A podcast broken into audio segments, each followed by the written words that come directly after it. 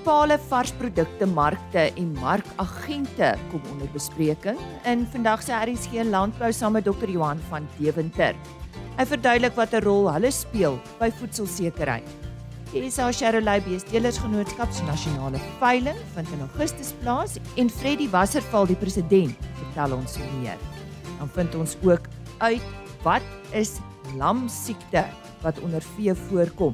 Dr. Johan Stadler van Antrowet verskaf hierdie inligting.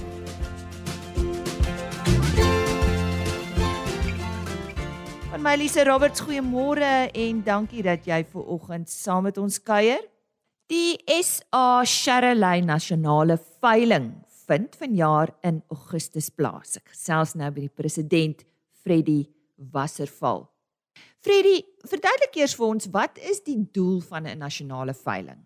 Môre Lize, uh die nasionale veiling sê uh destyds sal ontstaan gehad aangesien vennootskappe 'n platform wou geskep het vir hulle teelers om hulle diere te verkoop. Dit het later ontwikkel dat van jou groter teelers hulle eie produksieveilings gehou het en dit het druk op die nasionale veilings geplaas en sommige nasionale veilings het oor tyd dan bietjie afgewater. Dit het dan ook so geword dat dit veral 'n platform was vir kleiner teelers wat nie hulle eie veilings kon hou nie. Die Charley Beesteelers Genootskap genootskap bied sedert 1992 uh hulle eie nasionale veiling aan. Ons het ook maar die pad geloop. Dit was eers al die teelers en dit het uh later geword dat van die teelers wat nie produksieveilings hou nie, die nasionale veiling ondersteun, maar ons het gevoel ons moet 'n nuwe baadjie aantrek vir ons nasionale veiling en daar's besluit dat of soveel as moontlik teelers moet betrek word en dat die standaard van diere wat aangebied word uh iets spesiaals is. Hierdie veiling bied uh, gewoonlik vir die stoet sowel as die kommersiële teeler 'n ideale platform om goeie teelmateriaal te bekom. Hoeveel teelers is tans deel van julle genootskap? Uh, die gewildheid van die Charolais het die afgelope paar jaar hand oor hand toegeneem. Die Die vraag na diere is onversadigbaar en daar's voortdurend 'n invloed van nuwe teelers in die ras. Huidiglik is die genootskap se ledetal op 60 aktiewe lede. Wat maak die Charolais anders as ander rasse, Freddie? Ek wil net miskien so 'n bietjie ter inleiding gee net waar kom die Charolais vandaan en dan sal ek so 'n bietjie sê wat ons doen ook in die ras. Die Charolais ras het ontstaan gehad ongeveer 400 jaar gelede daar in uh, die ooste kant van Frankryk.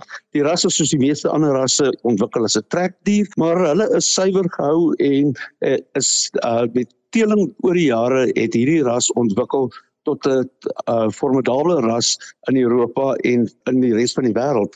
Die ras kom vandag in 6 kontinente voor uh, en uh, die eerste Charolais is in 1950 in Suid-Afrika ingevoer en in 1966 is die uh, Charolais Beesteelers Genootskap gestig. Net vir jou idee te gee in terme van uh, getalle, uh, die grootste aangetekende ras in Suid-Afrika beskik ongeveer so tussen 110 en 130 000 beeste. In Frankryk alleen is die aangetekende Charolais 2,5 miljoen diere. Dit is maak dat die genepool ongelooflik groot is en daar word op tyd van tyd tot tyd semen ingevoer van uh, Frankryk, Kanada, Amerika, Brittanje en Australië. Uh, wat veroorsaak dat ons diere kan die bestes in die lande kan kies van oorsprong. As indien ons na die genekubus kyk, dit is die gene pool om dit nou in Engels uit te druk. Dit is 'n model wat waar die verskillende rasse wat genomiese toetse ondergaan het geplot word. Koek elke ras om 'n kern saam. Hoe verder die verspreiding van die middelpunt in die ras is, hoe groter is die variasie binne die ras. Die Charolais se verspreiding is baie gekonsentreerd om die middelpunt. Dit wil sê daar's baie min variasie binne die ras wat veroorsaak dat daar baie sterk erfdwang is wat na die nageslag toe oorgedra word. Met ander woorde, die eindproduk is baie konstant. Om verder te gaan, die Charolais konsentrasie binne die genekubus is totaal verwyder van enige ander ras. Hoe verder die rasse geneties van mekaar verwyder is, hoe groter is die invloed van heterose of basterkrag in die diere met mekaar gekruis word. So dit gee vir die Charolais 'n unieke voorsprong bo ander rasse. Eh, nuwe rasse ondervind probleme aangesien daar verkeerde tipe diere vir ons omstandighede in die land ingebring word. Die genootskap het sedert 1995 streng reëls ten opsigte van kalwings gemaak wanneer dit kom by die invoer van semen en van daar het ons kalfprobleme totaal uit die ras uitgeskakel. Dan 'n ander ding wat mense ook natuurlik altyd moet onthou, 'n ras se teelbeleid word primêr deur die land se bemarkingsstelsel bepaal. In Suid-Afrika eindig ongeveer 80% van die aandeel in voerkale op. Die Charolais het 'n uitstaande groei vermoë en uh voer ons sê en dit maak hom uit 'n uit uiterse gewilde keuse by voerkrale. Uh, aangesien die Charolais ras so lank stywer geteel word, is raseienskappe baie vasgeteel. Die dominansie van die wit vel is uitsonderlik. Uh die Charolais is die mees effektiewe ras om ongewenste velkleur te verander met voortreffelike en dit plaas jy natuurlik nog voortreffelike eienskappe by die produk wat dan gelewer word. Alle tweede generasie nageslag is wit, ongeag die oorspronklike kleur van die moederlei. Alom bekend dat groei in maternale eienskap negatief gekorreleerd is en as die seleksie slegs in opsigte van een van hierdie eienskappe plaasvind, uh, word die eindresultaat al hoe swakker aangesien hulle mekaar aanvul ten einde voortreffelike eindresultate lewer. Die genootskap het ook hierdie brawe stap geneem en net bulle wat geneties in die top 50% van die land van oorsprong vir melk en groei is, beslis mag die land ingevoer word. Die ras het is oor 'n tydperk van meer as 70 jaar bestuur om aan te pas by Suid-Afrikaanse toestande.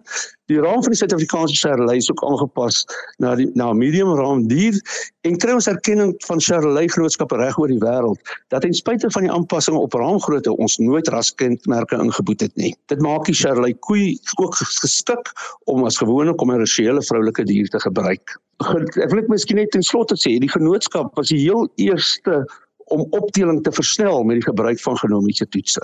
Kom ons gesels oor julle veiling vinnig. Wanneer en waar is hierdie veiling? Uh weet jy die Charlotte Beselers Genootskap het ook besluit as deel van die nuwe baadjie wat aangetrek word om ook die veiling te skuif na Be Human.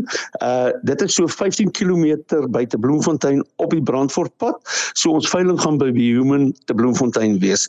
En die datum is die Vrydag die 19de Augustus 2022 om 11uur. Uh in die proses het ons ook besluit om hande te vat met vleisentraal ons is baie opgewonde uh met die pad wat ons saam gaan loop. Wat bied julle vanjaar aan, Freddy? Die fokus hierdie jaar is op kwaliteit. Daarom word daar slegs 20 bulle en 30 vroulike diere op die veiling aangebied. Uh, soos ek reeds genoem het, is die diere van verskeie teelers van reg oor die land. So uit elke streek van die land kom daar diere vir hierdie veiling. Goed, slotgedagte net van jou kant af en uh, dan natuurlik vir meer inligting kontak besonderhede. Daar sê, uh, ag dankie Elise. Uh dit is ek dink dit is 'n geleentheid wat nie gemis kan word nie en ons wil almal uitnooi om die dag saam met ons te kom geniet.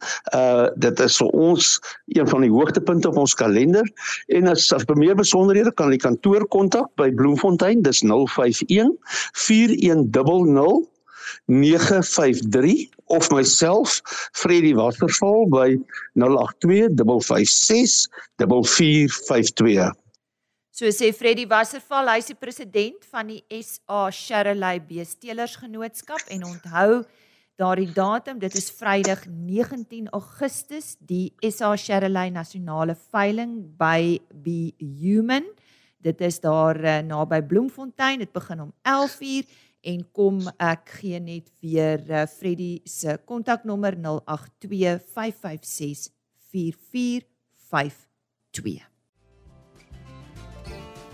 As jy nou hier by ons aangesluit het, baie welkom. Jy's ingeskakel vir RSG Landbou. Dis net hier op RSG vanaf 5uur tot 6:30 van my kant af, Maandag tot Donderdag. Ons verwelkom ver oggend graag weer vir Dr. Johan Stadler van Antrowet in die ateljee. Nou so tydjie gelede het ons met hom gesels oor koue stres by kleinvee. Baie toepaslik vir hierdie tyd van die jaar. Vanoggend se onderwerp is oor lam siekte. Johan, lekker om jou weer in die ateljee te hê. Lise, baie dankie. Dit is ja. lekker om weer by julle te wees. Wat is lam siekte en deur wat word dit veroorsaak? Lise, so lam siekte is 'n 'n siekte wat deur 'n bakterie, 'n gram-positiewe bakterie Clostridium botulinum veroorsaak word. En dit produseer 'n botulinum neurotoksien. So in beeste is hulle vatbaar vir die botulinum toksien tipe C en D, perde vir tipe B en C en dan ook baie interessant mense is is um vatbaar vir tipe A en E. So dit wat ons redelik bekend ken as Botox, ehm um, is Clostridium botulinum neurotoxin tipe A. So Lise, lamsiek is letterlik lamsiekte. So hierdie toksine teiken jou neuromuskulêre aansluitings en dit verhoed die vrystelling van die neurotransmitter asetielkolien en dit lei tot 'n slap verlamming in die diere. So Johan, wat hoe kry 'n dier lamsiekte? Lise, so lamsiekte word gekry deur die inname van die toksine. Ehm um, die bakterieë kom algemeen voor in die natuur. So dit kom in jou water, in jou ehm um, grond en ook in die ingewande van beeste en perde en voëls voor. Dan jou toksienproduksie van die bakterieë is optimaal by 25 tot 30 grade Celsius en dit is meestal dan in verrotte dieremateriale. En watter diere is meer geneig om dit te kry? Lise so diere wat hoendermis gevoer word, is baie vatbaar, dan wat kuilvoer of hooi gevoer word wat vir 'n lang tyd staan, waar daar moontlik ietsie klein soos 'n muis in kon doodgaan, dan bedorwe lucerne en groente grondfos um, ehm, laag in fosfate, veral in die Noord-Kaap, kry jy dat diere aan bene begin kou en ons noem dit pika. So daai toksien oorleef vir baie lank op die bene en dan klein diertjies soos rotte of voëls wat miskien in jou water of jou kosbronne doodgaan. So wanneer jy 'n uitbraak van lamsiekte kry, kry jy gewoonlik twee tipes uitbrake. Wanneer daar enkele ehm um, diere geaffekteer is, is dit gewoonlik as gevolg van pika wanneer hulle aan aan bene kou En dan wanneer daar meer as een dier geaffekteer is, gewoonlik is dit eintlik 'n redelike klompie, dan is dit wanneer jou kos en jou waterbronne geaffekteer is. So in Botswana in 2019 was daar omtrent 35 diere wat van 'n lamsiekte uitbraak um op die einde van die dag moes doodgemaak word. Um omdat daar 'n bobbejaan in die waterbron dood gegaan het. Sjoe, nou ja, baie interessant. Johan, hoe sal lamsiekte nou klinies lyk? Lise so die kliniese um, tekens wat jy sal sien met lamsiekte is afhanklik van die hoeveelheid toksine wat ingeneem word. So in jou vroeë lamsiekte sal jy diere kry met 'n kromrug, 'n wankelrige stap. Ehm um, hulle sal swak word van hulle agterbene af. Jy kry verlies van spiertonus, jy kry salivasie, jy kry 'n tong wat uithang ehm um, as gevolg van daai verlamming. Dan kry jy ook verlies aan vermoë om te sluk. So jy kry diere wat baie vinnig dehidreer en dan kry jy maar soos enige siek dier jou kop en ore wat hang en dan ook jou sterftes verlam. 'n Video wat ek van 'n baie goeie vriend van my Dr. Jared Morris gekry het. Um, hy is 'n voerkraal konsultant by Octavo sien. So hulle het in Vryburg in April van hierdie jaar 'n uitbraak gehad waar daar 29 diere geaffekteer was. So in die video kan jy sien dat daar dit is progressiewe verlamming totdat die dier heeltemal slap is. Daar's geen spiertonus nie. Jy kry 'n disfagie, so die diere sluk glad na um, byna glad nie meer nie. Jy kry 'n dyspnee, so die diere al baie moeilik asem omdat daar verlamming is van jou diafragmatiese en jou tussenribspiere. Die diere blaas op en dan kry jy ook torticollis waar die dier sy nek so na een kant toe trek en jy kry 'n verlamde stert. Hmm. Hoe word dit gediagnoseer? Dis so dit is belangrik om saam met jou plaaslike veearts te werk indien jy 'n lamsiekte uitbraak ehm um, vermoed. Hmm. So daar is baie diferensiële diagnoses wat dit kan wees en dit is belangrik om dit uit te skakel. So van die diferensiële diagnoses kan wees diploidose of aspergillose, ionofoortoksisiteit, 3-dag stywe siekte, hondsdolheid of serebrale rooi water. So jou diagnose is meestal maar met jou kliniese tekens, so dan ook jou geskiedenis en dan moet jy 'n deeglike ondersoek gaan doen van jou kos en jou waterbronne. Nadoetse ondersoek is meestal negatief. Jy kan partykeer indien die die diere aan bene gekou het, bene in die retikulum kry mm. en jy kan 'n vergrote vol blaas kry. En dan is die die definitiewe diagnose is maar deur 'n toksientoets, soos jy doen wat ons noem 'n muis inokulasie toets. Kan lamsiekte behandel word, Johan? In teorie kan mens lamsiekte behandel, mm. uh, maar dit is baie onprakties. Ek weet daar was 'n 'n antiserum beskikbaar waar jy wat jy in vroeë gevalle kon gebruik, maar sover ek dit het, is dit nie meer beskikbaar nie en dit was ook baie duur. So in jou minder ernstige gevalle waar jou diere nou minder toksien ingekry het, kan jy ondersteunende behandeling bied en ook simptomatiese behandeling en dan moet jy daai dier indien hy lê huis van die grond af net om die bloed toevoer deur die bene ehm um, te laat aanhou. En kan ons dit voorkom? Ja, definitief. So die groot voorkoming dis maar enting. So boere moet begin om te ent wanneer hulle hulle diere speen en dan is kraagdosis 4 tot 6 weke later en dan moet elke dier jaarliks 'n opvolgdosis kry. Jy kan ook fosfaatsupplementasie gee sodat jou diere nie aan bene gaan kou nie En dan tel die bene op wat jy op jou plaas kry en um, beskerm jou kos en waterbronne dat daar nie enige muise of voëls in jou waterbronne of jou kosbronne kom nie. Ja, dankie vir daai raad. Dankie dat jy ingekom het. Dit is 'n groot plesier, baie dankie. Dis dan weer oor lamsiekte met dokter Johan Stadler van Antrowet.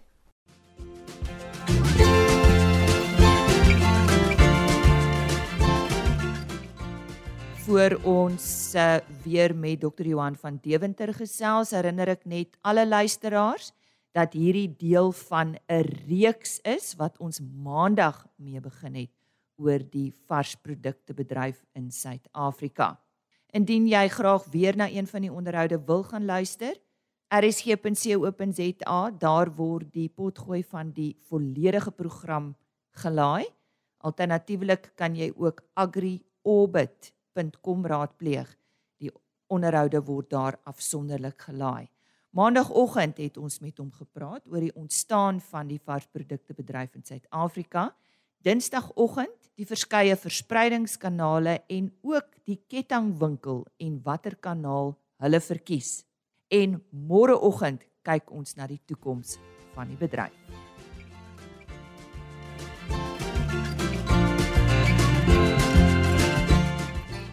Dis nou weer tyd om oor die varsprodukte bedryf van Suid-Afrika te gesels. Nou hierdie is deel 4 van ons reeks wat uit 5 afleweringe bestaan.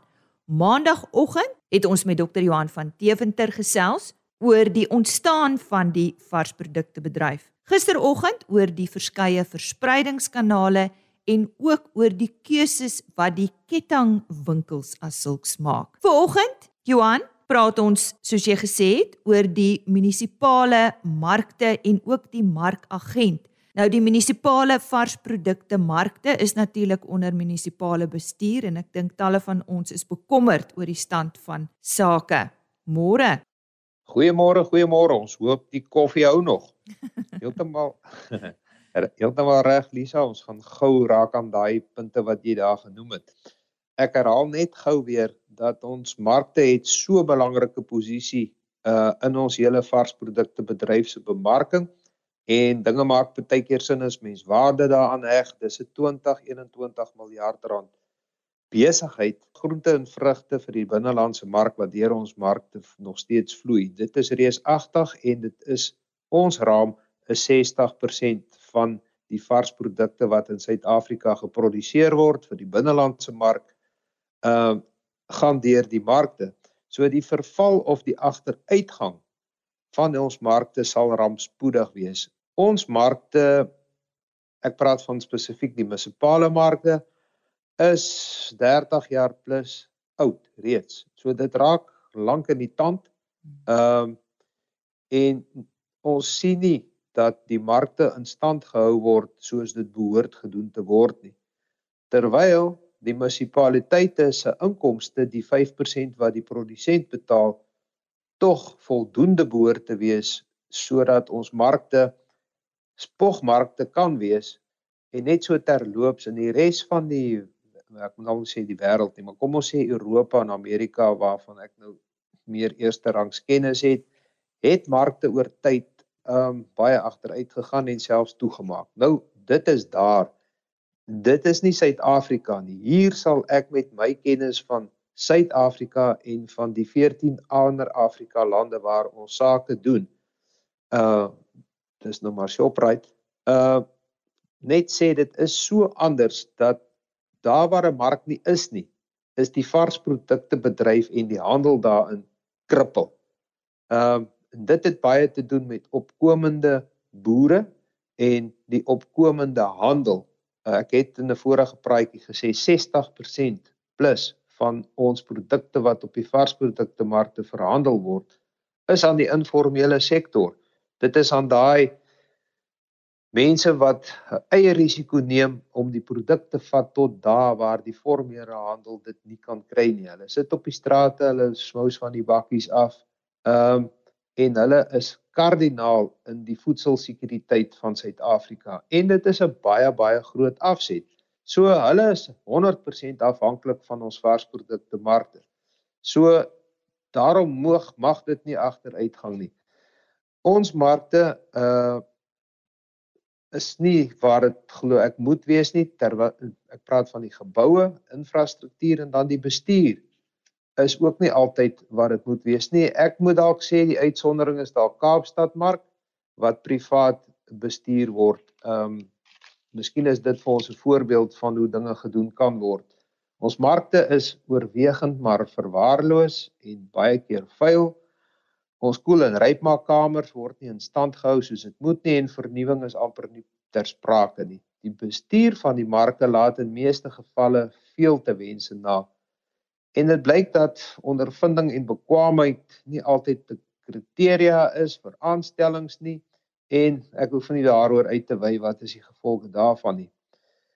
Ehm uh, munisipaliteite as sulks kan ons mos nou baie praat oor in die land. Ehm uh, hulle kry amper nie hulle strate in stand gehou nie en die riolering en die prioriteite wat dit aan betref is tog sekerlik hoër daar in die raadsvergadering as wat die mark is. Die mark is baie keer so amper 'n bysaak. Ehm uh, Waarom daar nog bietjie aandag gegee word aan die mark is omdat daar 'n 5% van die boer gehef word. Ehm um, en daarom is dit vir hulle geld, belangrike geld, want dit tel op na on ons huidige stelsel na oor 'n miljard per jaar vir al die marke daarom nou saam. Dis nog steeds baie geld. Ehm um, en dit laat daarom dat daar bietjie aandag gegee word aan die mark want hy is 'n inkomste bron. Johan, maar wat hou die markte dan nog aan die gang en en waarom is daai 21 miljard dan nog ter sprake? Uh want die markagente maak absoluut hulle lewe en hulle wins mos nou uit die verhandeling van die varsprodukte uit en hulle word hulle het hulle eie etiek, ek neem dit nie van hulle weg nie en hulle eie eerlikheid en ons het baie goeie markagente op ons vloere. Uh verder word is daar 'n wet 12 van 92 wat nogal baie streng toesig hou oor die trust rekening. IPAC is 'n organisasie, jy het hulle ook ontmoet by die round table wat 'n wakende arends oog hou op die boekhouding en die sake van die markagente. Dankie daarvoor. Dankie daarvoor. Uh dat dit nog 'n ruggraat is van ons stelsel. En dan 'n winsmotief. Uh geen verkoopsman of markagent is op die mark uh omdat hy dit vir niks doen nie. Hulle kry tussen 5 en 7.5% kommissie wat weer eens van die produsent afkom en dit tel ook op na meer as 'n miljard rand inkomste per jaar vir die agente saam. So die ou wat 'n goeie werk doen, die boer tevrede hou, hy's in besigheid. En die tweede ding wat ek dink maak dat ons markte nie in duie gestort het nie is die rekenaarstelsel want die hele transaksie uh, wat op 'n mark gebeur gaan deur die munisipaliteite hulle die rekenaar sentrale rekenaarstelsel behoort gewoonlik ook aan die reek, aan die munisipaliteit want dis die manier hoe hy sy 5% aftrek uh is uh, omdat hy die rekenaarstelsel het en die verrekening van alle transaksies deur dit geskied en ek het reeds genoem dit is 'n miljard rand se inkomste nou weer vir die munisipaliteit. Vat ons net vir Johannesburg mark dan is dit byna uh, 500 miljoen bruto inkomste per jaar en daarmee vra mense nou tereg, waarom kan die mark met sulke geld dan nie in skoon wees nie? Hoekom kan dit nie veilig wees nie? En hoekom word dit dan nie in stand gehou nie uh, en oordentlik bestuur word soos 'n besigheid nie? 500 miljoen rand ehm uh, is baie geld. So die bal is aan die ommekeer Lisa, dis die goeie nuus en dis baie bly dat radio dit vir ons ook verkondig. Aartappel Suid-Afrika het die inisiatief geneem om die partye om 'n tafel te begin kry sodat gesprekke gevoer kan word, dat ons bekommernisse gedeel kan word en dat ons mekaar beter verstaan en dat die mark se geld Ons sê nie die munisipaliteit mag nie huur kry nie. Hy moet sy huur kry en verdienste wat hy lewer moet hy betaal word. Maar ons glo daar bly genoeg oor vir die herwes herinvestering in die mark, sy infrastruktuur skoon te maak en al die goed wat pla reg te stel. En hierdie omkeerproses is in die gang. Uh, ons sê dankie vir Aartappel Suid-Afrika. Dis 'n oop proses. Hulle is maar net die fasiliteerder. Alle belanghebbendes is welkom Die eerste ronde het plaasgevind. Ek dink daar word nog 4 be, be, beplan en ek sê weer die soeke is na 'n wen-wen en hmm. alle partye, alle belanghebbendes is welkom. Dis dan Dr. Johan van Deventer wat so sê en môreoggend gesels hy oor hoop. Hy sê daar is hoop vir die toekoms van ons varsprodukte bedryf en ons sal hoor waarom. Dr Johan van Deventer is voormalige hoof van Freshmark wat die verkrygingsarm van die Checkers Shoprite groep is en hy was ook voorheen adjunkdirekteur van die Johannesburgse varsprodukte mark. Man met meer as 30 jaar se ondervinding in hierdie bedryf. Wens jou 'n goeie dag toe en dan gesels ons weer môre. Natuurlik weer weer sake met Johan van der Berg en ons gewone vleispryse soos altyd op 'n donderdag. Totsiens. RSG Landbou is 'n plaas media produksie met regisseur en aanbieder Lize Roberts en tegniese ondersteuning deur Jolande Rooi.